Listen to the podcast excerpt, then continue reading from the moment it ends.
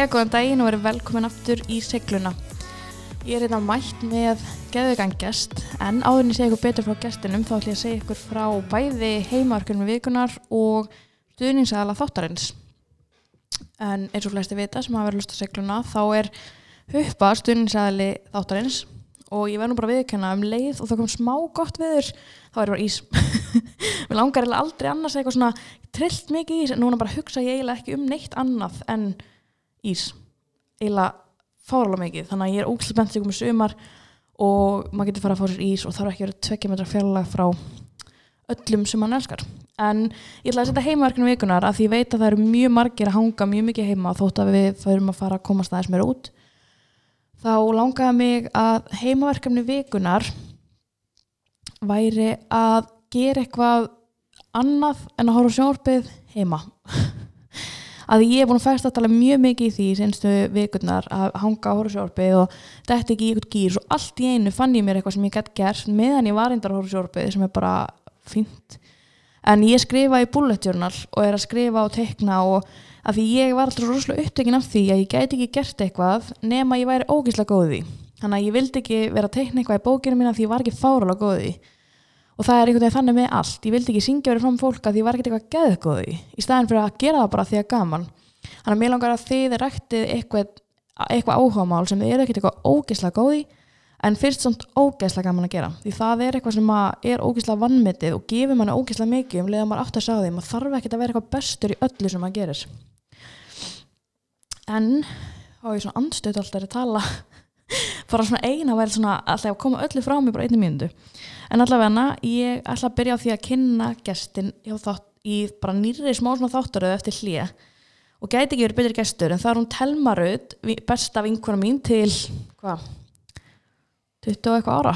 Allavega öruglega bara frá því að við vorum í leikskóla eða, eða? nei, grunnskóla, fyrsta bekk. Og við erum búin að þekkjast frá Ísafirði síðan við vorum 6 ára búin að saman í bekk. Og Telma er bara þjálfari og með mikinn áhuga á íþróttum og úlingum og börnum. Og mér finnst þetta geðveikt áhugavert bara dæmið að ég var sjálf í íþróttum, við vorum saman í fókbalta og þetta kemur alveg smá við þannig að ég er mjög spennt að heyra bara í telmu. En mér langar fyrst að fá þig ups, til að kynna þig svona eins og ef, að- ef að ég myndi ekki þekka þig. Ok, Þú veist það mækin aðeins næris já, herrið mér núna. Já, Ok, herrið, ég heiti Telma Rutt Jóhannsdóttir og ég myndi alltaf segja að ég væri ísfyrðingur út af því ég er mjög mikill ísfyrðingur með stórt ísafæra hjarta. Stærsta Eh, sem við veitum Já, allan að með þeim stærri. Uh, Ég myndi segja að ég væri svona ef það ætti að gefa mig borða svona eins og í grunnskólanum þá myndi ég örgulega vera svona pínu íþróttálfur. Mm og, og ég hef skoðanir og tala mjög mikið þannig að ég veit ekki alveg hvort að ég sé meiri íþróttálfur en ég hef allan mjög gaman að tala líka og bara um alls konar hluti. Þannig að ég er sem sagt ísfringur og ég er íþróttafræðingur og ég er þjálfari og bara já, hef mjög mikið áhuga á reyfingu og heilsu og íþróttum og, og ræða það og þjálfa það og bara alls konar. Og hvað kemur þú inn í að pæla svona mikið úlingum af hverju finnst þér það svona áhugavert? Sko, eiginlega bara fyrst, þú veist, ég er búin að vera að þjálfa núna í frekar mörg ár. Ég er eiginlega frekar sko ung og mér líður eiginlega pínu eins og ég sé svolítið gömul með við hversu lengi ég er búin að vera að þjálfa. Því að ég er eiginlega bara búin að vera með annan fótinn í þessu meðan ég var að æfa. Ég var að æfa náttúrulega bæði skíði og fótbolta og, og hérna, ég er svona eina af þeim sem þurfti kannski ekki svakalega mikið að hafa mikið fyrir íþróttunum. Þetta var bara svolítið lág í genunum og, og ég sem frekar var óþólandi þegar maður æfði með þér og hafði geðveikt mikið fyrir og gekk ekki til manni. Uh, já, kannski, en þetta var svona, þú veist, eins og á þeim tíma þegar ég var ung, þá var ég ógslag mikið svona afreksmið og ég er með mjög mikið keppniskap og ég er mjög mikið, þú veist, ef ég hef áhuga á hlutum þá vil ég gera það vel. Og ég man bara þegar ég var, þú veist, þegar við vorum yngri og vorum, þú veist, saman í fótbolta og allt þetta, þá var kannski, það er alveg krefjandi að vera báðu megin við línuna, að vera kannski meira út af þetta er gaman og líka út af að maður langar að vera góður í ykkur og þegar ég var yngri var ég kannski ekki endilega að skilja af hverju það var ykkur að vera í ykkur út af því að var bara gaman en ekki til að vera góður í ykkur og eiginlega bara eftir því, því sem ég þroskaðist sem þjálfari þá fór ég svona meira að hugsa um þú veist, af hverju er þetta ekki fyrir alla þú veist, akkur reynum við ekki að finna laus til þess að allir geta notið þess að reyfa sig í sama hvað formið það er? Þannig að ef ég hugsa bara um fótballtaliðið okkar bara, þú veist, við vorum saman í liðinu og við erum með okkar kosti og galla og bara það að átta sig á því að lagasti einstaklingurinn kannski tæknilega séð fótbolta hann skiptir samt svo gífurlega miklu máli. Því að ef við ætlum að halda út í liði þá verðum við svolítið að láta styrkleika hvers og einn skína. Og það eru allir jafn mikilvægir þótti séu mjög góðir í að taka aukaspinnu eða þú veist, eða hlaupa. Þannig að þú veist, liðsheildin skiptir svo svakalega miklu máli að það var eiginlega svona þá sem ég áttaði mig á því að mér finnst úlingar og þessi hópur út af þetta er svo ótrúlega svona skrítin tími að vera úlingur kannski ekki skrítin, mér finnst þetta mjög spennandi tími sko. Ég skil samt hvað meinar, þetta er, maður er ekki gamall, maður er ekki ungur, maður er einhvern veginn bara svo ógisla mikið í miðjunni á lífinu sínu og allt snýst um bókstalamann sjálfan engan annan. Já, og líka bara, þú veist, eins og ef maður hugsa um bara, þú veist, að vera úlingur. Þú veist, maður er einhvern veginn, maður er einhvern veginn bara svona, maður mætir í skólan og maður er bara, þú veist, 12 ára eða, eða 11 ára eða eitthvað og þá er maður svona pínu drullu saman um allt og svo bara allt í einu, þá fer maður að spá í öllu. Og það er, manni líður þess að allir sé að spá í manni þegar maður er úlingur, eða það var allavega svolítið mín upplöfun og allt í hennu fara að koma einhverja tilfinningar í mann sem maður, þú veist, þekkir ekki og veit ekki hvernig maður á að ræða og, og svona, þú veist, það er ógslag mikið að gerast hjá okkur sem úrlingar og það var eiginlega kannski þá og sem bara þegar það verið að tala um brottfall úrlinga úr íþróttum, að það var svona þá sem ég fór kannski svolítið að hafa ennþá meira áhuga á úrlingu, bara hvernig get ég fengið þennan hóp til þess að haldast á hreyfingu eða taka þátt í hreyfingu og bara svona virkja áhugan þeirra út af því að þú veist eins og bara þegar við vorum hann 16, 17, 18 ára í fótbolta þú veist áhugan þinn var kannski ekki að komast í landsliði í fótbolta Mhm. en þú hafði samt áhuga og þú kannski náðir ekki að láta þína styrkleika skína það vel að því langaði að setja það sem markmið og verða betri. Og það var, veist, það er svolítið svona það sem ég finnst er að spá í og skoða og, og vill framkvæma sjálf. Þannig að, þú veist, nú er ég búin að vera með tvö námskeið fyrir vestan og markmið þar hefur alltaf verið, þú veist að bara ebla þessa krakka og bara fá þau því að um leið þú hefur uh, alls konar tækja tól í höndunum til að gera þig að betri einstakling bara með því að setja þig markmið og bara uh, reyfa þig og finnast gaman því að veist, okkur líður öllum betur ef við reyfum okkur eitthvað að þá kannski segjum og missir áhugan að fótbolta í hálft ár. En langar svo að byrja aftur. Þá er stökki miklu minna að þú ert búin að halda á reyfingu og ert í raun og veru þemur og í góðu formi og allt þetta. Þannig að þetta eru svona mínar pælingar með úlinga og þetta er líka bara þú veist þetta er úkslega svona ég fekk kannski úr einu í annað en þetta er úkslega flókin aldur en samt svo spennandi. Það er svo gaman að vera úlingur og þú vilt ekki missa neinu en þetta er samt líka úkslega erfitt að ætla að standast allar kröfur og að vera í íþróttum og reyfa þig og allt þetta. Þannig að Það, mér það mitt ástæðan fyrir ákvaða þessa heimaunnu að gera eitthvað sem maður er ekki góður í en gera það samt. Af því að þegar við vorum yngri þá var einmitt svo mikil áhersla að lögða þá. Ég held að það sé svona bara ennþá í flestum liðum.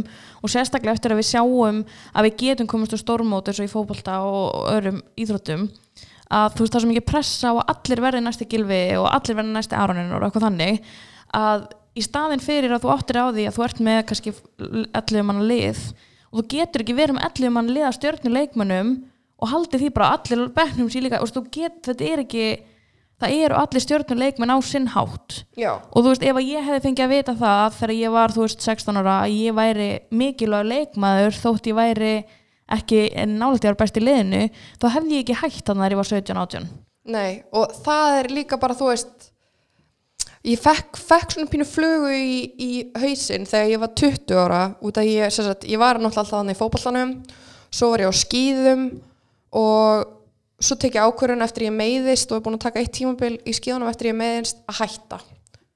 Þannig er ég 20 ára og vil svona yfirleitt skilgreina mig sem íþróttálfin og ég er hætt að hreyfa mig. Eða þú veist, ég er hætt í íþróttum. Þú veist, ég var kannski ekki ald, aldrei beint hætt að hreyfa mig en á einhvern ótrúlegan hátt þá var íþróttálfurinn í einna þessum í árgangnum hún var bara, þú veist, bara pínu lost bara hvað á ég að gera?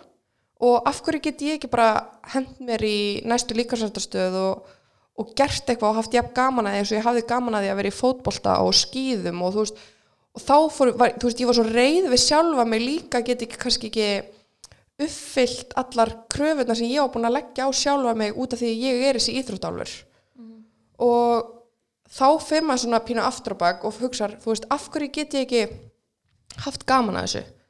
Og þá kannski fór ég að hugsa þú veist, ég var náttúrulega í hóp íþrótt og mér finnst það ógstlega og þú veist, skíðin er náttúrulega ákveðin hópur sem æfir alltaf saman, skilur þú veist ekki einn að æfa. Og það er ógstlega erfitt að fara úr því að vera einn, nei, margir að æfa saman í að fara, vera einn en þá kemur svolítið að því að setja sér markmið og, og ákveða svolítið hvað langar þig að vera góður í eða góð.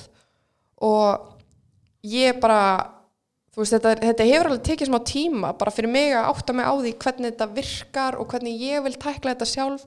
Og ég hef svolítið svona reynd að nýta allt sem ég hef lært úr öllu, taka það besta úr öllu til að svo útfara og nú er ég að reyna að útfara fyrir úlinga og ég er að þjálfa hérna í Reykjavík fyrir úlinga og svo er ég að fara á stað með netþjálfun fyrir úlinga þannig að sem bara verður geðveikt vonandi. Ég, bara útfærslan á því er náttúrulega bara þannig að reyna að fá þau til þess að læra að hafa gaman hreyfingu í sama hvað form hún er. Og þetta er eiginlega bara, þú veist, þetta er kannski ekki eitt sem vekur áhuga minna úlingum, ég hugsaði líka þú veist, við erum náttúrulega úr frekar stórum vinkunahóp Mhm. og þú veist, við vorum hvað tíu í fótbolta, ein í sundi og þú veist, Við heldum ein- mjög mikið hópin sem vorum í fótboltanum Já, og við vorum alltaf að halda hópin og við vorum alltaf að æfingum saman og svo vorum við að hittast í ammæli eða að hittast í skólanum og við vorum alltaf að tala um fótbolta mm -hmm. og þú veist ég er svona pínu dáist af hinum að hafa nefnt að hanga með okkur. Já, minnst það ótrúlegt sko, það er svona að hugsa eftir á. Sérstaklega eins og núna til dæmis segjum bara sem dæmi ég og ekki börn. Mhm. og það er að eiginlega flestir í hófnum með að börn var að tala um það þá er bara hvernig nefndi einhver hlusta á um fótbolta í tíu ár? Já, svona ótrúlegt sko. En spáði í því núna þú veist, þannig að þú veist, allt þetta er ég að reyna að draga inn í og reyna að finna leið til þess að að allir geta kannski bara komið á svona, svona, svona smá svona sam, sam, samenningaflutt bara svona s- sama, sama stað. Þannig að ef við myndum draga okkar vinkonahópin í þetta þá erum við þannig tíu fótbolta, einu sundi, einhverju korfubolta og við erum bara hérna hvað höfum við sameiglegt og það er náttúrulega bara ef við erum með gott þrek og þól þá í raun og veru höfum við bara tækifæri að gera svolítið hvað sem er. Og þú ert með þína veik og styrkleika og ég er með mína veik og styrkleika. En hvernig væri ef við myndum svolítið saman planið og við getum æft saman en þú ert með þína heimavinnu til að vinna í þínu sem þið langar að bæta því og ykkur sem þið langar að vera góð í og ég með mitt. En við getum samt eitt tíma saman á æfingu óháð því hvaða íþrótt eða hvort þú ert í íþrótt eða ekki. Og það er svona mitt markmið allavega með því sem ég er að gera núna er að það skiptir í raun og veru engu máli hvaðan þú kemur eða úr hverju. Þú getur í raun og gert hvað sem er með þeim sem þú ert með. Út af því að æfingarnar ætti að vera svona bæði skalaðar upp og skalaðar niður og þú hefur tækifæri og rými til að vinna í þínum veik og ég hef tækifæri til að vinna í mínum veik og styrklegum og já, þetta er einhvern veginn það sem ég finnst líka sem fólk átt að segja á er sem íþróttir, það er náttúrulega svo fáralega mikil forvörð fyrir líka eins og áfengi og fíknefnum og öðru að því sko við erum ekkert að greinast með það við vorum í skólanum til tvö eða eitthvað og svo er maður, maður er á æfingunni fjóra tíma er kannski klukkutíma á æfingunni.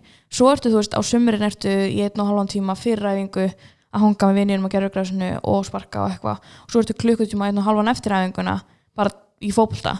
Já, og líka bara að þú hugsa um útiveruna. Þú veist, að það eru svo ógsla margir sem eru konir inn og alltaf gera allt inni og þú veist, bara það að vera úti og svo bara erum við að hjóla heim og við erum bara eitthvað að sjá um ána og erum eitthvað best að hoppa í ána þú veist, þá svona á sem hægt er að vaði og þannig, skilur við Einmitt. þannig að, þú veist, það er ógsla mikið sem tengist þessu sem er svona kannski fattar ekki fyrir maður verður aðeins eldri og þá maður bara eitthvað, oh my god, ég vil að allir upplifa þetta. Ég vil að allir fái tækifæri á að upplifa það að finnast þeim vera mikilvægir og til að hópi og bara, og gera eitthvað fyrir sjálfa sig sem gerir því síðan setna sterkara einstakling. og ég er líka alveg sammála því og þess að gefa mér, úst, þegar ég var í það gaf mér mjög mikið og vinkunhóp eins og segi við höfum- haldið erum bestu vinkunar í dag stór hópur úr fótbolta vorum heilt fótboltalega fylgjust en það í dag og allt þannig en það sem gaf mér líka svo mikið lélegt sjálfströst aftur á móti. Er þetta að vera ekki valin liði, vera á bekknum, vera að mæta æfingar? Ást, ég mættu allar æfingar alltaf allan á þessu syng, svo er einhver sem mættu aldrei og komast alltaf í liðið, þetta er ógslag svona, af því auðvitað viljum við samt líka vinna. Já, og þetta er nefnilega mjög svona þunn lína á milli þess að við erum að reyna að láta alla verða besta og við erum að reyna að láta öllum líða sérstak eins og þessi sérstakir, skilur Já, og það, það, er, það er náttúrulega ótrúlega áhugavert að reyna að draga fram það besta í fólki. Þú veist, þannig að ef við værum núna bara, ef við förum aftur tilbaka um 10-15 ár og setjum okkur í spor, sporin sem við vorum í þá, að ef þú hefði fengið leiðbyrningar til þess að vilja virkilega bæta því í einhverju, en á sama tíma fengið viðurkenningu fyrir hversu mikilvæg þú værir fyrir liðsheildina og þá væri kannski staðan allt önnur út af því að á sama tíma og þú ert að finna fyrir passjóni og ástriðu til þess að verða betri í einhverju þá ertu samt að sína þá, já, þá, þá ertu st- strax samt komið viðurkenninguna fyrir það þú ert mikilvæg. Það skiptir ekki öllu máli að þú sért ekki best að gefa innanfótasendingu eða hvað sem það skilur þú skiptir liðinu ógeðslega miklu máli og ef þú upplifir þú finnur fyrir þessari tilfinningu að þú sért í raun og veru mikilvæg þá ertu kannski líklegri til að vilja vera betri á öðrum sviðum. 100% þannig að þú veist þetta er svona, þú veist, líka bara markmið, sem er bara setja sig of há markmið. Og ég lendi sjálf í því þarna þegar ég hætti veist, ég hætti, var hann að tvítu þegar ég var að hætti öllu fór svo í heimsreisu og hreyfði mig ekki neitt skilur og var bara komin í frekar glatað form sko. Og svo fyrir ég út að hlaupa og það hefur aldrei verið eitthvað vesen fyrir mig. Þú veist, ég man ég var 12 ára eða 11 ára þegar ég tók þátt í Reykjavíkumarathoninu og ég hljóp 10 km, það var ekkert mál og ég var með þessi takaskóm. Og það pappi sagði við mig að það væri bara allt í lagi að hlaupa í takaskóm. Sérstaklega ef maður var að reyna að venjast skónum þá var náttúrulega ekki sniðugt ég var að, ég var að deyja í, í kálfunum en það er annað.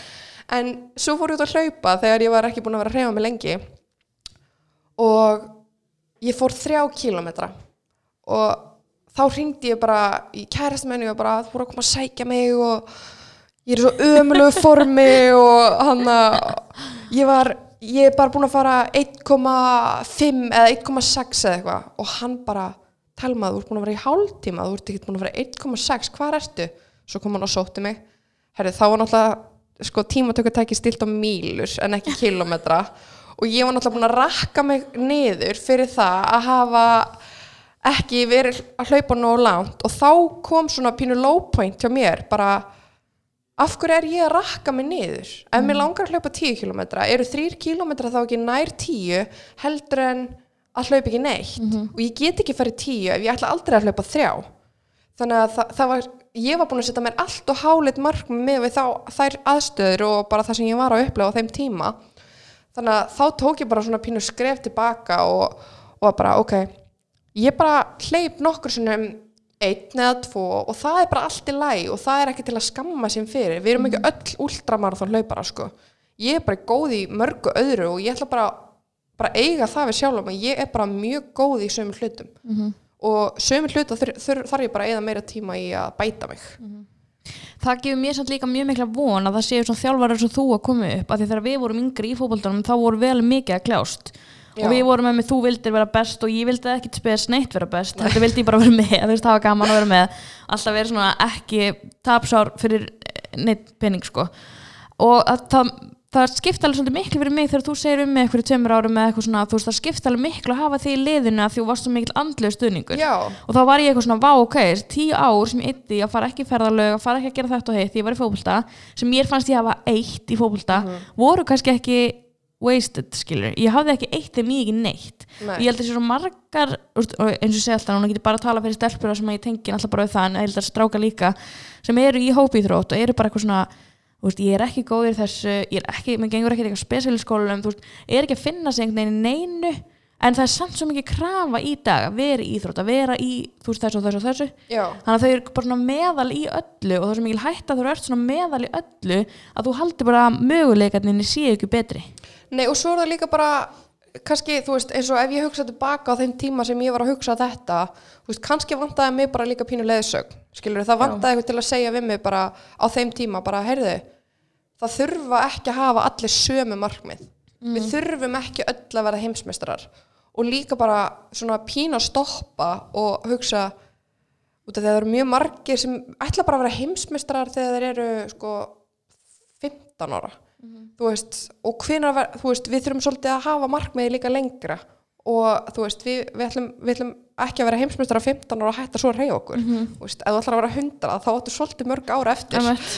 þú veist, við þurfum svolítið að hugsa hvernig við ætlum að gera þetta. Og það er náttúrulega frábært að fólk ætla að vera til afreks og ég stið það 100% að fólk vilji eða krakkar úlingar stefni afreksleðina og mjög mikilvægt.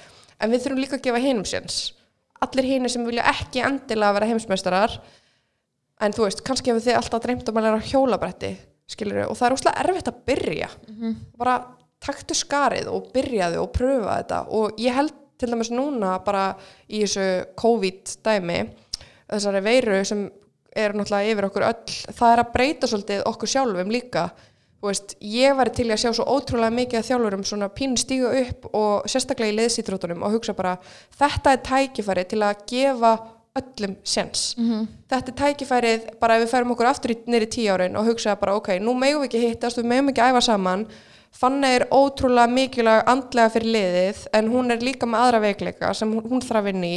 Hvernig get ég sem þjálfari elt hana ég vilja vera betri í þeim hlutum og mig sem kannski átti mína veikleika, þú veist, Helma er ekki góð í þessu og þá var bara, ok, nú ætlum við bara að reyna að finna leið til að styrkja Telmu félagslega í hópnum eða hvern, hvernig, hvaða styrkleika sem við myndum velja, veikleika sem við myndum velja. Og þá myndi, þú veist, þá erum við að vinna sko persónulega, þannig ég held að segjum að þú hefur upplifað í liðinu að þú hefur ekki fengið sömu aðtigli frá þjálfarunum og bara ég. Að þá er þjálfarinn að veita öllum aðtikli og þarna er kannski pínu tækifæri fyrir þá sem fá minni aðtikli líka til að stíga upp og bara ég er mikilvæg fyrir liðið þú sér það bara strax þegar að, að þessi andlegu eh, þú veist, hreyfing er andleg félagsleg líka sko Emmett. Þannig Mér að- finnst líka eins og, þú veist, eins og þetta, þetta prógram sem þú ert að gera fyrir úlinga þú veist, ég fannlega fyrir því eða þetta, þessi þjálfun mm. Þegar ég fannlega fyrir því þegar ég hætti að ég var svona ennþá með svona mætingaskildu mér fannst ég alltaf þurfa að vera að mæta eitthvað staðar kláð 5 þannig ég fóð bara alltaf í ræktinni, ég vissi ekkert hvað þetta gera því að vera með þjálfara allir mín æfi sem sagði mig hvað þetta gera. Já, og þú veist, ég held að sé svo margi krakkar að detta þarna úr hreyfingu í kringum svo 15-16 aldurinn þegar þetta orðið eiginlega annarkvort starta, hætta eða verða freka góður, veist, ég meina ég var ekki bara að fylgja ykkur upp í mistaraflokk og vera bara svona en þá til á bekknum, það bara bæði tók tíma frá mér og annað þannig að veist, ekki það í dag og finnst mér mjög leðilegt að eiginlega skemmt, eitt af skemmtulegustu árunum ykkar í fótboltanum og ég misti af því. En, en hérna, ég var ennþá með svona veist, ég mætti ræktinu mér fannst ég ekki geta gert neitt þar mm því ég hafði ekki komið inn í líkarsættastöðu liggu við, því að maður var á fótboltæðingu alltaf þetta ásins skilur en þá eru líka kannski að þú bara út af ég hef aldrei, þú veist, ég hef aldrei heyrt þetta frá þér þetta með mætingarskildinguna skildina og ég er bara að spá þessu akkurat núna. Þú veist, þú varst eina sem, sem er ógeðslega sterk félagslega ef þú spáir í því.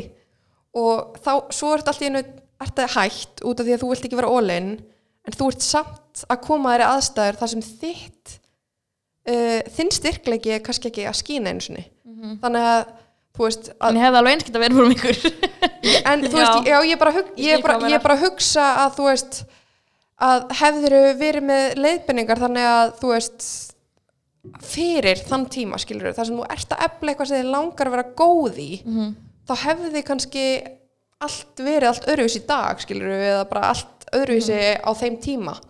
Þú veist, út af því að að ég bara að hugsa um þetta þú veist, út af því að mér finnst sko mér finnst þjá, starf þjálfara mér finnst það vera mjög mikilvægt. Já, ég sammálaði þar. Og bara, að við höfum líka báðar verið með góðan þjálfara og lélegan þjálfara. Já, og bara þú veist, minn uppáhalds þjál, besti þjálfari sem ég man bara eftir mér í badnæsku, hann kendi mér svo miklu meira heldur en að vera bara góð á skýðum Mhm. hann bara hann kendi mér bara gildi í lífinu og hann bara, þú veist, og þegar hann hætti þá leið mér svona pínu eins og ég var að missa svona stjúp pappa minn, hann var að flytja í burtu Já. og þetta eru, þetta eru svo ótrúlega sterka tilfinningar að þú ert með virkilega góðan þjálfara sem næra efla það góða í þér Mhm. og það eru bara ekkit allir sem fá það tækifæri að eiga svona góðan þjálfara sem bara leiðbina þeir svolítið í gegnum miklu meira heldur en bara að vera góður í íþróttum Mhm. út af því að starfþjál, starfþjálfaran er, í raun og veru ekki bara inn í líkarsættastöðinni, það er líka heima Mhm. og það er líka bara að reyna að sína gott fordæmi og vera bara, þetta er svona pínum svo kennara líka, þú veist, þú ert svolítið alltaf í vinnunni Mhm. og þetta er líka bara einhver ábyrg sem tekur á þig að þú, ert með einstakling og e- eins og þú segir, ef einhver hefði sagt þú ert mikilvæg fyrir liðið þá höfði hann verið bara, ok, ég, það má ekki missa mig á liðinu og eina leiðin til að ég haldist í liðinu er að verða betri þannig ég ætla að verða betri. En þarna mér, fannst, mér finnst og ég vona að sé ekki hann lengur í dag að segja, ég er komið tíu ára veist, hann mm. átta ár sem það var. En ég vona að sé ekki ennþá svona, mér fannst allt svo rosalega oft verið að set yourself up for failures.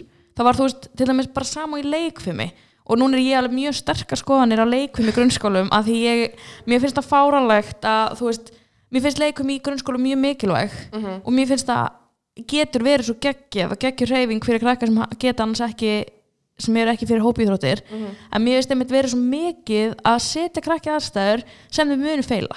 Er svo til dæmis með píptesti hver er fokkin tilgangur um píptesti ég man ekki hversu oft, ég kom í píptest og ég var bara að fara að æla á kvíða bara ég er í fótbolta, ég var búið að segja ég ætti að ná hérna efstu átta pípunum ég náði aldrei og var alltaf að geða kvíðin yfir svo, enda alltaf að blóðna sér og kvíði yfir svo, sko. og bara fólk sem vildi ekki taka þátt og svo erum við, við hinn látin horfa á þessa tvo seinustu sem eru hérna komin upp í 11 eða eitthvað og veist ég, mér finnst það mestæla við íþróttir og sérstaklega þá svona svo grunnskóla íþróttir og, og veist, ég var með þessi íþróttir í mentaskóla sko. já ég það- badmintoni heilt ár Þannig ertu samt líka kom, pínu komin í aðstæðar sem er ekki verið að draga besta fram í þér. já, mér sko, veist. ég veit ekki hvort það er að því þessu grunnskóla þá er svo margir mismunandi hópar Já, að það er erfitt, þú veist, ég skil alveg líka pælinguna, það er óslega erfitt að vera þjálfari eins og það sem ekki allir eru komnir til að æfa Mhm. í fótbolta á að fótbolta einhver allan allir komnir til að vera í fótbolta já, en leikum er öðru sér. Já, ég held að sé alveg mjög erfitt og erfitt að finna eitthvað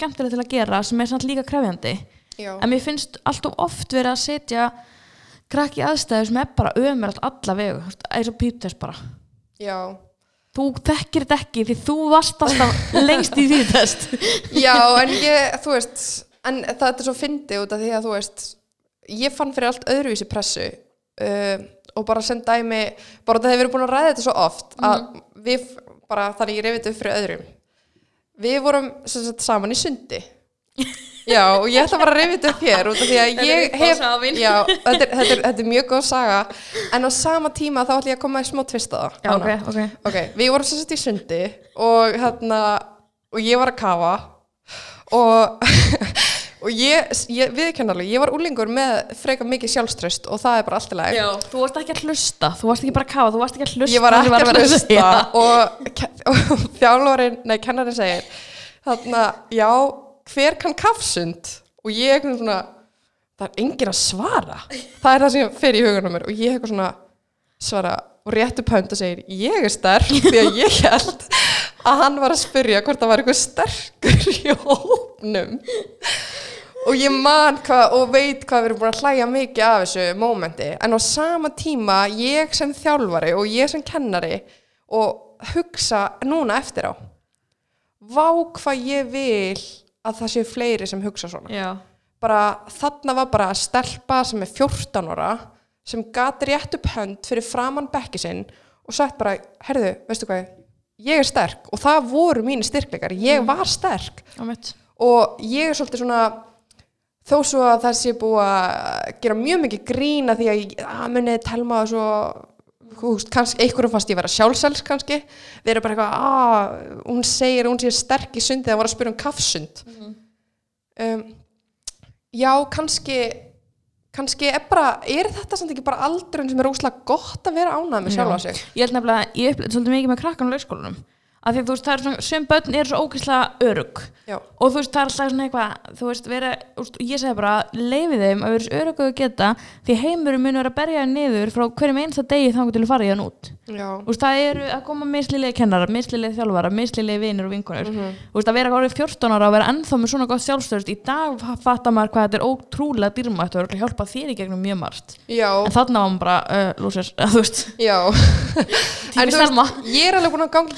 dýrmætt og örugglega hjálpa þér í gegnum mjög margt já, en þarna var maður bara, lúsir, þú veist já. Tími En þú Selma. ég alveg búin að gangi gegnum svona tímabil þar sem ég var með sjálfströft uppið tíu og líka sjálfströst þar sem var bara í, mínus sko.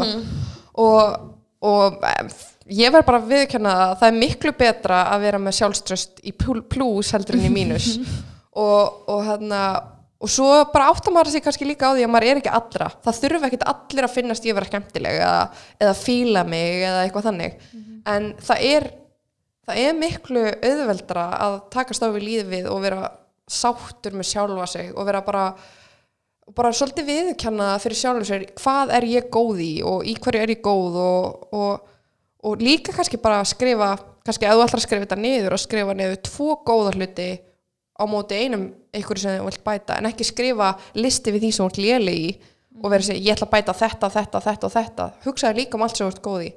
Og ef þú skrifar þetta niður, ég skrifaði þetta niður í bók hjá mér, bara allt sem ég er góð í og skrifaði bara, ég er góð að tala ég er bara, mér erst gaman að vera í kringum fólk, ég elska að þjálfa og ég er góðu þjálfari og ég er bara svona, og svo þegar ég var að eiga svona dag þar sem ég var bara eitthvað oh my god, lífið sökkar.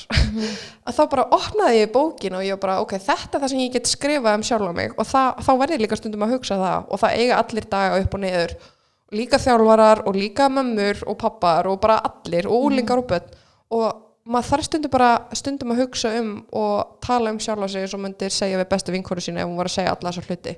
Þú veist, ef þú ert alltaf að segja neikvæðar hluti við sjálfa þig þá er besta vinkona að vera að segja heyrði nei fanny, þú ert frábær, mm -hmm. það. Þú veist, þó að dagur sé umulur þá kemur annar dagur á morgun og hann verður frábær. Mhm.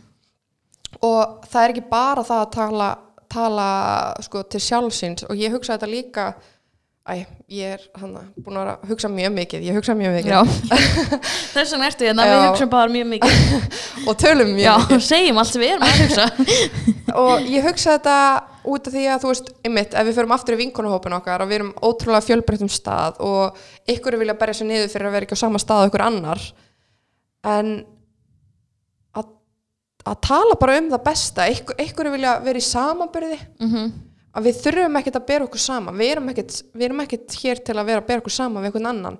Og til dæmis eins og bara eitthvað sem, ef þú ert bara eitthvað ó, ég er ekki, eða ég er bara eitthvað ég er ekki að gera þetta og hitt og þær stelpunar allar að gera þetta. Að vera bara eitthvað, herðu, mér ég bara ógeðslega hugrökk.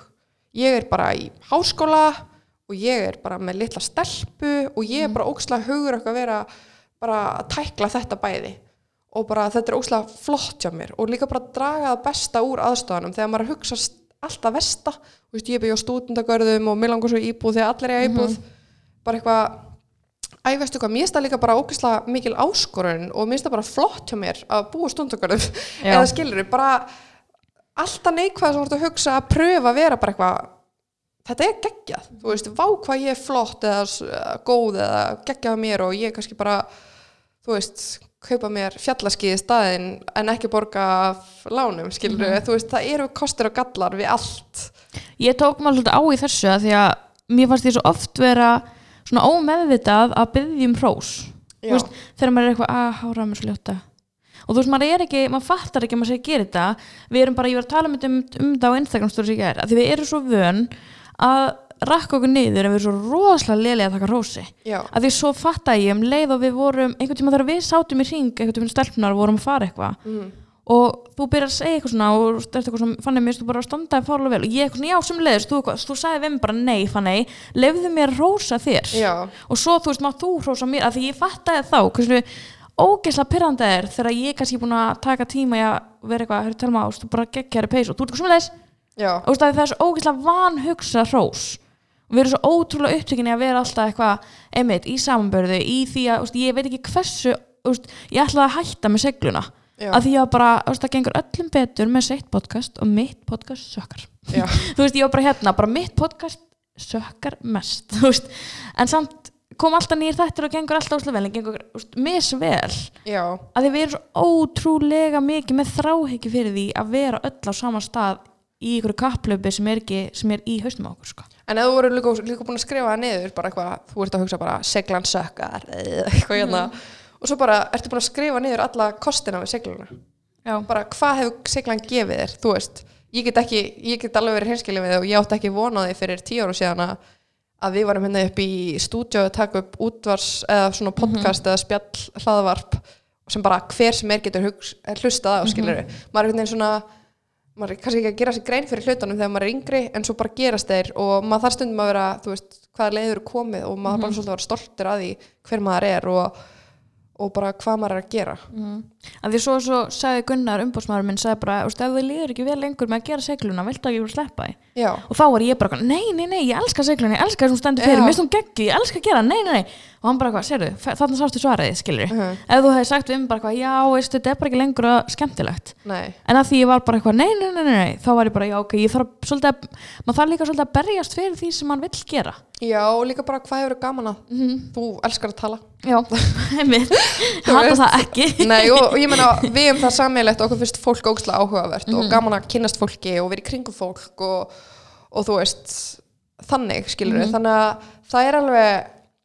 að þetta er alveg svona þú veist, mér finnst það gegja já, ég er mjög ánum með seglunum, sko, ég væri ekki til að hætta með hana. Nei, það er líka bara eins og núna veist, þetta, þetta er svo ótrúlega, við hefum heyrt orð hundra sinum, þetta er ótrúlega fordæma lausi tímar. Mhm. við vitum ekkert hvað þetta er eða hvað er að gerast og ég fann alveg fyrir því hvað ég, eða hafði mikil áhrif á mig andlega, sérstaklega að því ég er svo mikil félagsverða að ég veist, ég er ekki orku söga heldur svona, ég næri svo mikið orku annara ef fólk er með góða orku þá er ég ég mattsa svolítið orku öðrum. Og ég fann það bara þegar ég var ekki að hitta mikið fólki reglulega því ég hitti alveg á mikið stórum vinahópum þá var ég bara smá lost. Og þá fann ég mig ekki geta mætt einhverjum í stúdiói og ekki með orkunum mína. Já, og ég vildi ekki gefa út lélegan þátt. Nei. Þetta er, er ógslag skrítin tími og núna er ég búin að vera eiginlega bara með fjölskyldunum minni ég fór og er búin að vera heima með mamma og pappa þrjú sískinni, hundur mamma og pappa vinna og svo erum við dóttir mína og við erum, þú veist, við erum átt á heimili. Og þú veist, á sama tíma og það er ógæðslega gott að geta haft eitthvað til að eða tíma með, þá það getur það líka verið mjög kræfjandi að vera alltaf átt á saman í einu rými eða einu húsnæði þannig að, en þetta er bara þetta er þetta er ógslag erfitt en mér er svo gaman því að ég sé svo ógslag mikla breytingar til dæmis á kærastan mínum bara hann að ég megi skjóta það inn í. Uh, að þú veist eins og hann er bara búin að vera að læra ítelsku að ég, dyrka henni sko. og mér það, mér finnst það ógæslega gaman þú veist hann er með app í símanum það ég veit ekki hvað heitir sinni. og hann að, og svo er bara í staðin fyrir að vera bara endalust á netinu þá bara hann eitti Snapchat og slögt á Instagram allana í tímaböndi og hann sagði þú veist ég get alveg setið hérna og verið bara endalust á netinu skilur mm. en mér langar bara, mér er alltaf langað til að læra ítölsku en ég hef bara alltaf verið í skóla og það var ekki hægt að læra það þegar ég var í farmálskóla og nú er hann bara einhvern veginn að gera eitthvað sem hann langar að vera góður í og svo er hann bara alltaf að æfa sig og með bara glósubók og veist og mér finnst það alveg geðveikt og, og ég hef alltaf, ég sagði alltaf við krakkana mína í, eða úlingana mína að þegar ég var að láta að setja sér markmið að setja sér eitt svona silly markmið. Þar sem þau setja sér bara eitthvað markmið um eitthvað sem tengist ekki endilega því sem þau eru að gera í dag. Og ég sagði sem dæmi þá langar mig ógeðslega mikið að læra á hjólabretti. Mhm. og þá voru bara allir uh, langar þig að læra á hjólabretti bara já, þú veist ég kann á línuskauta og ég kann að, þú veist, kann, bara ágæti í flestum íþróttum en ég hef einhvern veginn alltaf verið frekar hrætt við hjólabretti. Þú veist, það er einhvern veginn eitthvað, svona, eitthvað sem ég hef ekki stokkið á. Og ég sagði þeim svo líka að ég er eiginlega búin að biðja um síðustu fjögur ár um hjólabretti í jólagjöf. Allir eitthvað svona, hvað í jólagjöf? Mm, mér langar í línuskauta eða hjólabretti. Bara, er það ekkert skrítin gjöf? og til dæmis eins og bara Hinri kærastum, en hann skilur það ekki þegar ég bið um skíðagleru í jólagjöf því að hún finnst það mjög skrítin eða snjókala, en það er bara eitthvað mér finnst óslega gaman að vera úti og ég elska að vera á skíðum og mér langar að læra hjólabretti og þess vegna er ég að byggja um hjólabretti í jólagjöf því að það var gaman að reyna á það. Og kannski er þetta bara tíminn fyrir mig þegar ég er búin með prófin í skólanum að bara láta verða að því, kaupa hjólabretti og læra. Já, ég eila mannaði núna til að gera En líka því að þú veist, ég get eiginlega ekki ímyndað mér að vera úlingur ef að þessi tímar væri núna fyrir tíu árum. Nei, Þú veist, af því að þú veist, það er var besta við að vera úlingur er að vera alltaf með vinnu sinum er að vera að upplifa alls konar hluti og þú veist, það hræði mig smá hennan tíma hvað þetta er næs já, hvaða er létt að heyra í öllum í FaceTime? Hvaða er létt, veist, ég þarf aldrei að fara neitt. Nei. Og þú veist, úlingar eru með aðgang allir tækn og allir sem það geta gert. Og það er svona, maður veldi alveg fyrir sér hvort að það færist bara allt innan hús, af því að þú veist, þetta er alveg, það er þú veist, vil, maður vill alltaf viðkynna þú veist, þetta er náttúrulega hrikalegt ástand og bara ömulegt, en þetta er bara næs Já, fyrir marga Já, en svo, er, ertu með svona íþróttakallu sem ég og félagsveru og sem er bara eitthvað oh my god, hvernig er þetta búið mér Já. langar bara að fara að gera eitthvað geðveikt, hitta alla bara, þú veist, langar að vera bara á torginu og Ísafirði og vera bara með zumba tíma eða eitthvað skilur. Já. og ég kann ekki zumba en þú veist, mér langar bara að gera eitthvað og það er eiginlega svona en mér finnst samt svo þetta er ókslega skrítið og þetta er ókslega erfitt en ég er samt svona smá að vona líka að fólk átti sig á því hvaða er holdt fyrir okkur að fara út. Hvaða er holdt og gott fyrir okkur að að hittast? Því að þú veist það er miklu meira heldur en bara samskipti gegnum neti, það er líkastjáning og það er bara snerting skiptir okkur ókslega miklu máli og bara, þú veist, ég var með til dæmis leikfumi, ég er búin að vera að fara sem bakverður núna fyrir vestan. Og hérna og kom inn á stopp, nei ég veit ekki alveg hvað, hvað, maður á að kalla þetta. En ég að var með svona stólaleikfumi já, og hérna og svo var ég að hugsa þetta þegar ég var með svona slökun. Bara, herðu, nú ætlum við að gefa hverju öðru knús svona sjálf. Við ætlum fyrst að gefa okkur svona rafknús þar sem við ætlum svona, svona þykjast knúsa út eða maður náttúrulega ekki knúsast svo við ætlum bara þykjast knúsast svo ætlum við að halda utan á okkur sjálf og ímynda okkur að knúsi komið frá okkur. Svo ætlum við að klappa okkur á bakið og bara segja, herðu bara gott hjá þér að gefa þér knús í dag. Þú veist, út af því að maður þarf svolítið að knúsa sjálfa sig, knúsa sálina knúsa líkamasinn, út af því að maður er bara, veit, maður er bara að upplifa ógstlega skrýtna tíma þetta er bara óþægilegt og það er ógstlega erfitt að fá ekki knús frá hvernig sem er. Mann langar stundu bara að hlaupa og knúsa bara næsta mann í bónus bara út af því að það má ekki. Og að bara, bara kannski bara frekar að horfa á hann og knúsa sjálfa sig og hugsa bara, herðu, þetta er knúsa frá þessum. En ég líka bara þú veist, maður sér það bara núna býja í fósóinum og við erum að tala um að það er meiri traffík þar heldur en á laugaveginum og þólasmessu sko. Þú veist að maður sér alveg hvað fólk er búið átt, allan að vona ég er sem mjög margi búin að fatta hvað það skiptir miklu máli.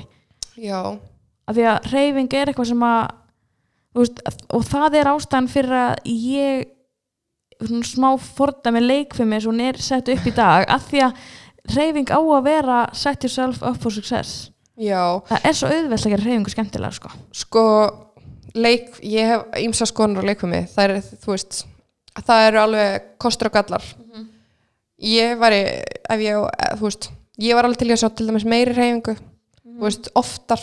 Þú veist, kannski frekar að bjót, brjóta daginn upp með meiri reyfingu þannig að þú nái kannski að sérstaklega elstu stígunum þannig að þú nái kannski að einmitt að vinna í þínu veika styrkleikum ykkur, þannig að það sé kannski meira svona frjálstími þar sem fólk vinnur í ykkur og það sé meira að vera að ebla fólki að, að vinna með sína eigin styrkleika og vilja vera betri öðru. Eins og ég er búin að nefna örugglega svona 20 sem núna. Já, og aldrei sagt og oft. Eh, Nei, en síðan finnst mér samtalið þú veist, það er, það er samtalið gott að hafa fengið möguleika ná að læra ímislegt en það er kannski bara spurning um hvernig þetta er sett upp. Það þarf ekki að setja það upp þannig að það þurfa allir að vera bestir og þetta er bara svona, þú veist, við erum náttúrulega að læra bara grunna, grípa, kasta bolta og þetta eru ógslag mikilvæg reyfingar fyrir líkamann okkar, þetta er svona hand-eye coordination að geta staðið, kastað á milli sparkað á milli og þetta er þú veist, ég held að það sé ógslag margi sem bara fatt ekki hvað þetta er mikilvægt fyrir okkur að geta kastað og horfi í hináttina eða hvernig sem Já. það er veist, þetta, þetta skiptir allt máli fyrir reyfuferðinu okkar og þroskaferðinu okkar. En það er kannski líka þetta er bara svo með allt, það er bara spurning hvernig þetta er útfært og þetta þarf að vera útfært þannig að þetta er gaman en það er líka, þú veist oftast gaman, en það er líka mjög holdt fyrir okkur að gera eitthvað sem er leðilegt mm -hmm.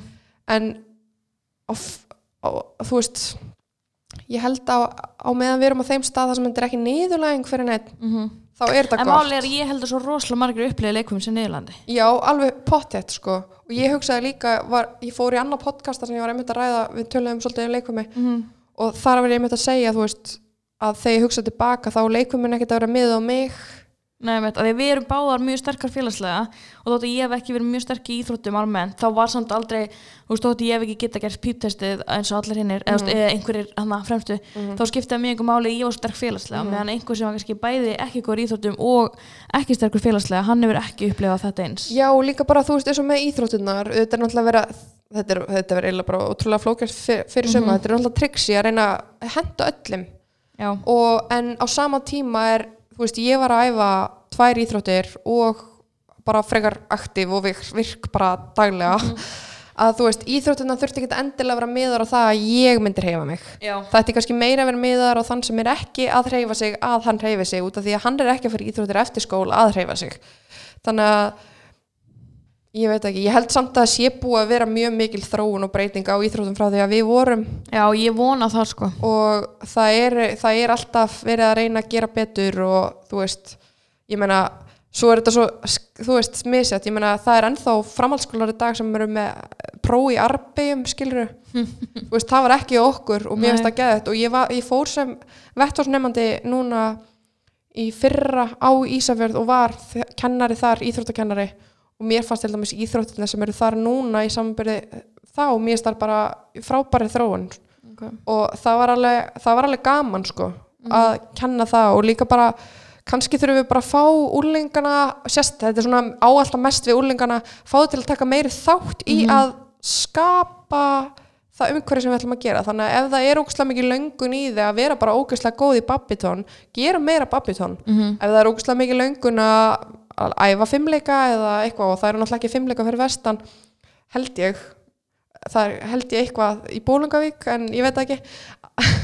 En það, já, það er allavega að poppa svona upp og niður. En ég held að sé bara óslega mikilvægt að kannski virkja þau til að vilja sína, þú veist, hvað viljið þið sjá? Hvað viljið þið læra? Út af því að svo er þetta líka svolítið tískubilgja hvað er inn og hvað er ekki inn Já, og svo, þú veist er fótbolti já, í leikfumi þar sem að kannski helmingurinn æfi fótbolta og helmingurinn ekki. Já.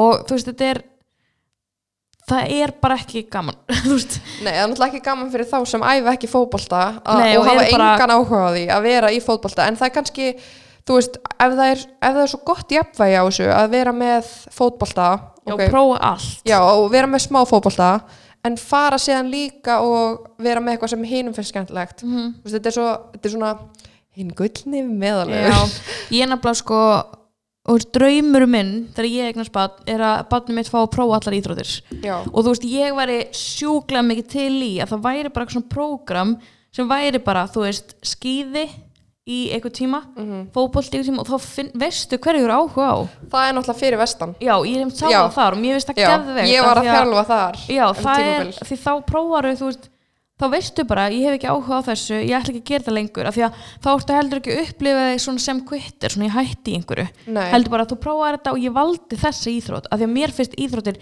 sko á öðru leveli mikilvægar þar sem að það að veit, veit mér alla mína félagskap í æsku og fullorðsárum og, og svona eitthvað sense of purpose og ég tala svo mikið ennskuslættum en svona að þú veist að tilheyra Já. að tilheyra hópi er tilfinning sem að er bara ekki hægt að kaupa. Nei, og líka bara að fá viðkenningu veist, við þurfum ekki öll að vera efnilegust. Nei og einmitt líka þegar vorum svona velunæting og ég veit ekki hversu oft ég fekk ástundavellun eða mætingvelun sem að fyrir mér var bara geggja. Þú veist, nafnum mitt á kalla, ég vissi ég var að mæta vel ég var að mæta hverja einustu æfingu allan ásessing ég vissi ég var, eða og svo fekk ég líka framfaravelun þú veist, það er náttúrulega það er að vera tilheyra. Þú veist, það er ekki alltaf þessi bestu þrý sem eru settið fram af því að þú veist, þeir eru kannski bestu þrýr þeir fóru kannski ekki mest fram mér finnst það líka svo mikilvægt að séu allir, þetta er lið af ástæði það getur enginn spila fótballtaleik einn. Nei, getur enginn spila körfballtaleik einn. Nei. Og En- ert ekki einn í neins og gerir. Nei, en þetta er þetta er þetta er erfitt fyrir suma. Já, ég veit, og náttúrulega bara, þetta er endalust í þróun og Já, en mér finnst allavega að gegja og ég kynntist íþróttaskólanum fyrir vestan ógslag vel þegar ég var að aðstofa þjálfariðar og sýsti mín önnur þeirra allavega hefur notið ótrúlega góðs af því dæmi út af því að þú veist, hún byrjaði að efa körubólta í gegnum það þegar hún var í fjórðabekk og þú veist, í fjórðabekk var ég nú alveg búin að ákvaða í hverju ég ætlaði að vera sko.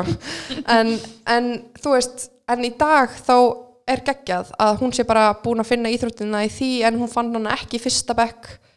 En þú veist, þarna fær hún svigurum til að ákveða, ákveða ég ætla ekki bara að vera í fótbolta út af því að síst, stóra sýsti mín er í fótbolta eða skýðum hún bara fann sig í korfubolta og einhverju öðru skilur og það er líka bara geggja og það er líka mjög mikilvægt að það sé þú veist, að hún hafi fengið tækifæri til að njóta þess þó svo að engin annari fjölskyldun okkar hefur verið í korfubolta skilur þannig að mér fannst það eiginlega geggja þegar þú veist, þú kemst í umhverju þar sem hún farið svolítið að velja sjálfur og ákveða hvað er langar að vera góð í eða hvað, hvað er fyrst gaman og allt þetta Þannig, en mér finnst allavega út af því að ég var að tala um að pröfa nýtt og svona og ég var hann að kenna í mentaskólanum fyrir vestan þá sagt, ég er að reyna að vera ótrúlega duglega að pröfa nýtt. Og ég pröfaði til dæmis fyrir ekki svo löngu að slaklæna að labba á línu. Já, Já, og ég hef verið að binda ákveðna línu á milli trjá eða að það er tré sem, sagt, sem ég nýti eða staurar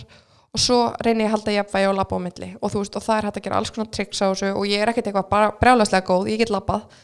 En þú veist, ég tók það með mér í leikvimi, nei í leikvimina í mentaskólanum. Og leiði þeim að pröfa. Og það var bara, það er ógslag gaman og einmitt þetta með að vera inni og allt þetta við getum verið inni, það er ógslag gaman að byrja að pröfa eitthvað nýtt og vera lélugur og það er allir lélegir í því. Og bara taka á skarið og pröfa og þetta er sko geðveikt, þú veist, eins og ef þú ert að slaklana þess að labba á línu þá þartu, þá hefur alla, þú veist, þú ert með allt þetta sem þetta reynir á sem, er búið að vera svolítið inn í dag þú þarft að einbytta þér. Þú verður að vera hér og nú þú getur ekki verið að hugsa hvað er í matur á morgun þú þarft að vera að horfa þangað út af því að annars heldur ekki jafnvægi og annars dettur og þetta er svona pínu þú veist, þú ert ekki langt frá jörðinu þú veist kannski 50-60 cm skilur en þú getur náttúrulega að fara hátt líka ef þú vilt. En þarna ertu bara, þú veist, þú ert að spenna vöðvana, þú, þarf, þú ert að reyna á þig þú ert að einbytta þér, þú ert að vera akkurat hér, akkurat núna. Og það er það sem hefur svolítið glemst að við þurfum stundum að bara aðeins að stoppa og vera ekki alveg í næstu viku, við þurfum svolítið að vera það sem við erum akkurat í dag. Og það var óslega gaman út af því að ég, ég pröfaði ekki eitthvað svona í leikvimi hjá mér allavega þegar ég var yngri að fá bara tækifæri að pröfa eitthvað nýtt sem er bara ekki þetta venjulega bara eitthvað ógeðslega mikið sem er bara enginn er í eða pröfa bara eitthvað mjög öðruvísi og ég hef alveg fundið mig svolítið í þessu og þú veist ég á línu núna þannig að ég get bara riggað hann upp það sem ég vil út í garði eða í ferðalæginu mínu og bara, þú veist, þetta er bara smá. En þú veist, ef þetta er út í garði og þetta er uppi þá er bara áður en ég veit að öll fjölskylda mín farin að æfa sig og sýstu mínar og bróður minn og allir að hafa gaman að þessu. Og út af línan er uppi þá er bróður minn farin að halda lofti á móti vinu sínum yfir línuna skilur Mhm. þannig að þú þarft stundum ekki nema ótrúlega einfalt eitthvað nýtt til þess að ebla allt annað. Út af því að hann hefur áhuga á fótbolta og hann er, þú veist, alltaf að skalla milli með vinum sínum og nota línuna sem eitthvað skona net í garðinum.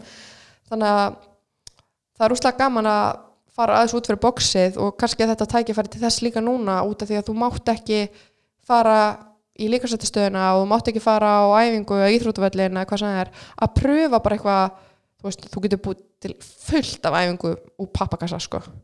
Það kom mér einmitt smá óvart með þessa tíma núna hversu margir fóru í að kaupa lóð og hjól og róruvélar og úr allt þetta þegar það er svo ótrúlega auðvelt að taka heima einhver heima sem að er bara Já, alveg ja, mikil svirði, þú veist, maður velti fyrir sér fjórða mæja í júni eða eitthvað hversu margar róruvélar, hjól og lóð verða á blandpunkturis já. það er svona, pælingin er að því þetta ekkert að þetta er ekkert ástand sem endist. Nei, það er, það er náttúrulega, ég held að séu kostur og gallar við þessu, á sama tíma og þú veist, það eru ókslega margir að kaupa, þá held ég að séu ókslega margir kannski að bæta við aukar reyfingu inn í daginn sinn, þannig að þú fer kannski á æfingu eða veist að æfa eitthvað og svo ertu bara eitthvað, æ, veistu hvað, mér langar bara að taka hálftíma inn á hjólinu og hjólar í hálftíma. Og ég held að sé alveg geggjað. og ég var reyndar ógeðslega mikið til að vera með hjólunstöðu við ekki það, ég er búin að hugsa þetta svona ár Ég var líka mjög til það, en ég er til dæmis reyna að fara ég er búin að vera að fara á skíði ég út að ég á svona fjallaskíði þar sem ég geng upp með skinnum. Þannig að ég hef ekki verið bundið við það að vera með liftu en það gefur mér ótrúlega mikið að fara bara aðeins út bara anda mig frísku lofti vera í snjónum þar sem ég líður ógeðslega vel. Og það er einhvern veginn svolítið núlstilli mig til dæmis. Og, og ég er líka búin að vera að reyna bara að gera einhverjar æfingar heima og ég er búin að vera með úrleikana mína í svona smá fjárþjálfur þar sem ég er ekki bara að skora á þau að gera æfingar, þú veist, ég var með heimabingo þar sem stóð og ringdi í, í einhvern nákomin um og afa. Um, búðu til París á stofugorlunum heima eðar úr þarna limbandi, þú veist, ef þú býr til París þá getur þú verið með snerpustega. Þú getur gert svo mikið úr engu Já. sem getur nýst þér. Og þú veist, mér finnst ókslega gaman að, þú veist, ég let bróðum minni það verkverðni, hann er að vera 11 eða 12 ára í, í sumar. Manna ekki alveg. Uh, þarna og, og hann var bara fyrst hvað er París? Og ég var bara ertu að grínast, þú veist ekki hvað París er? Þannig að hann þarna gerði París, ég teiknaði á blað bara gerði svona, ég kem fram eftir hálftíma og ég ætla að tjekka á þessu. Og svo erum við bara eftir ma- kvöldmat bara farin að hoppa í París og þannig að þú veist, það er ógstlega mikið svona nýtt og kannski er þetta líka bara ítundir samverustundir og þú veist, eins og ég, við rettum um daginn þegar við töluðum saman á Zoom Já, að maður þarf líka bara, þú veist, að tala um allt sem þú getur gert, ekki bara tala um það sem þú getur ekki gert í þessu ástandi og það er líka með úlingana út af því að ég bara, ég heyra það líka á systrum mínum sem eru úlingar núna að þær eru alltaf að tala um allt sem þær geta ekki gert en tala um allt sem þú getur gert því að það kemur þér alveg óvart hvað þú getur gert mikið og, og kannski allt sem þú getur ekki gert getur þú síðan verið þakklátt fyrir að geta gert setna út af því að það eru mjög mikið af hlutum sem okkur fannst sjálfsæðir bara sjálf, mjög sjálfsæðir fyrir nokkrum mánuðum síðan, síðan sem eru það bara alls ekki í dag. Emitt þannig að ég held að sé bara svolítið að stoppa vera hér og nú ekki næstu viku, ekki í síðustu viku og bara hvað get ég gert í dag hvað langar mig að gera og í hverju er ég góð í? Ég held að sé líka bara svolítið að hugsa um ekki allt sem við erum léli bara í hverju erum við góð. Þannig Ég að ætla að skrifa þetta niður, þetta verður titill á þættinum. Í hverju er ég góð í? Já, ég búin að hugsa titill á þættinum og þessi, þetta, það kom að negla þetta. Já, en ég er allavega allt, allar þessar pælingar er ég búin að vera að skrifa niður í alveg frekar langa tíma og er núna að byrja bara með úlinga þjálfun og bara, og það fer vonandi bara á flug strax í byrjumæ og Og hvar finnur, veist, hvar getur fólk að því ég held að sé bara mitt að vera komið flott að enda þessu, þetta var mjög góð endalína og hvar finnur fólk þjálfununa? herðu, til að byrja með allavega á Instagram Mm -hmm.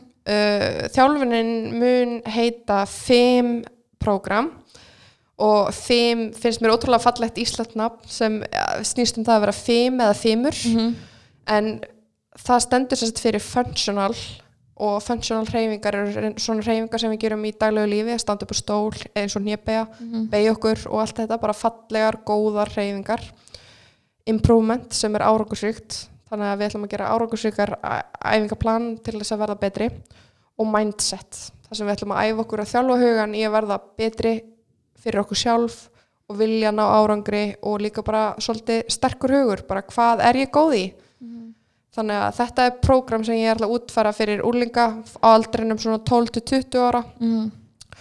og bara verður vonandi að koma á flug í mæ ég er búin að opna Instagram síðu um, að það koma Og þessi þáttu kemur út í næstu viku þannig að þá er steitt ræða já, og líka, ég set líka inn á þeir sem er að fylgja mér á Instagram, set líka linkin á Instagrami þegar það er komið alveg. Og þannig að þið getið fylgst með þessu. Það er líka, úst, ekkert villist að fylgjast með bara fyrir sjálfsið þótt maður sé yfir 20 já, nei það, það, sko, það er nefnilega bara þannig með það að þú veist þetta á við um alla. En bara mín áhersla er kannski á úrlingana og að setja á það tungumál sem ég tel að þau skilji Já, einmitt, TikTok.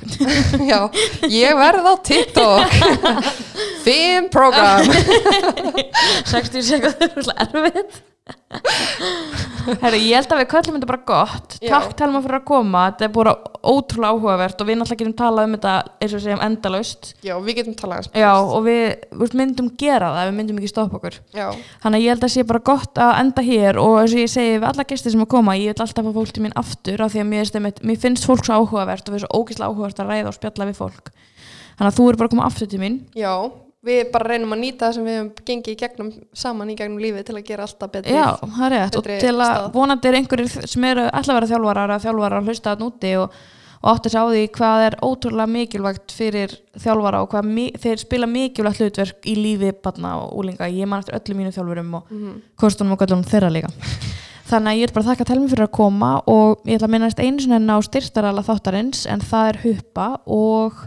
ég er búin að hugsa svo mikið um hupp núna að ég get ekki beðið eftir hún er huppukrút í kvöld en það er uppáhaldsísi minn það er ekki um mikið en samt ekki um lítið skilur, gett lítill þetta er Huppukrút.